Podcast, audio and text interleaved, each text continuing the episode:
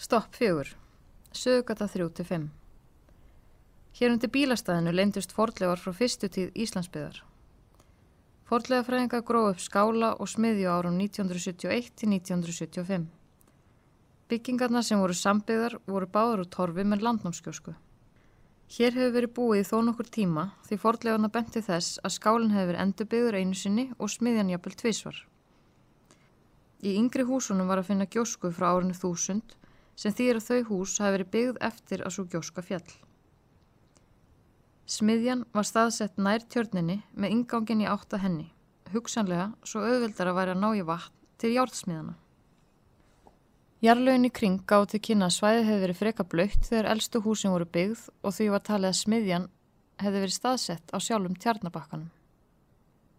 Annað kom þá daginn þegar rannsóknir á alþengisreitnum hófust um 40 árum setna.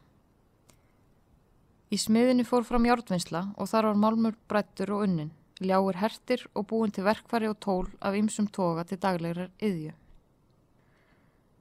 Gripir sem fundust í smiðinu eru meðal hann steitn úr bræðslofni, degla úr leir, mót, bríni og gjall.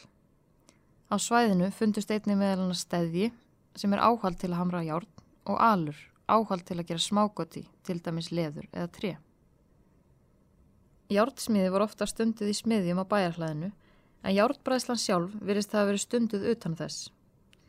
Í fortsögunum er að finna nokkra lýsingar í tengslum við járnfinnslu af þessu tægi og í eigilsögu segir að skallagrímur hafi verið afbrags eldsmiður en mönnum þótt hann heldur árrisull við smíðastörfin en svo hvað hann í sögunni.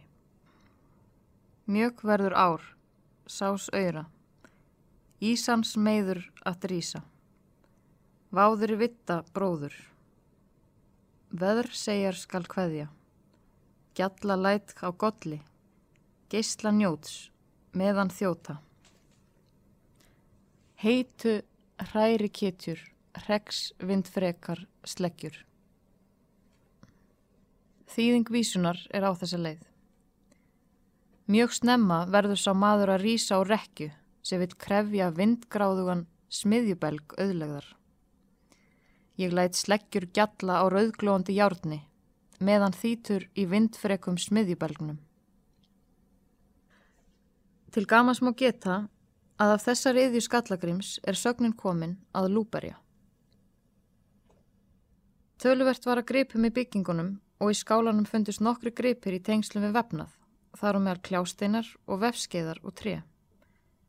Kljástein er steitt til að hingja neðan í uppistöði í vef og halda honum strengtum. Þeir geta verið með ymsu móti, náttúrulegi steinar sem gat hefur verið gert í gegnum eða jafnvel náttúrulega gataði steinar. Kljásteinar finnast undir margir saman í uppgröftum og er það yfirleitt talin vísbending um að þar hafi verið vefstaður, líkt og ávið hér. Vefskeið eða vefjarskeið er hins vegar sverlaga áhald sem nota var til að slá vef en þær voru oftast úr kvalbeini eða tré. Helsta fæða fyrstur landnæmana var vilddýr og hústýrafurðir en einnig hefur kortmeti skipt máli fyrstu aldinnar. Mikilvægt var að fá nýja uppskeru strax á öðru sumuri eftir komuna til landsins. Þegar fordlega fræðingar grófu upp eitt húsuna hér kom í ljós að það hefði brunnið til kaldra kóla. Um var að ræða kortlöðu þar sem fundist um 6 kíló að byggi, þar að voru 4,5 kíló en í kortgemslunni sem var hlaðin upp með steinum. Sterkar vísbendingar eru um að í Reykjavík hafi verið rækta korn að minnstakosti fram á 14. öld og eflust lengur. Byggfræ fundust einni í gólfi skálans á landnámsýningunni.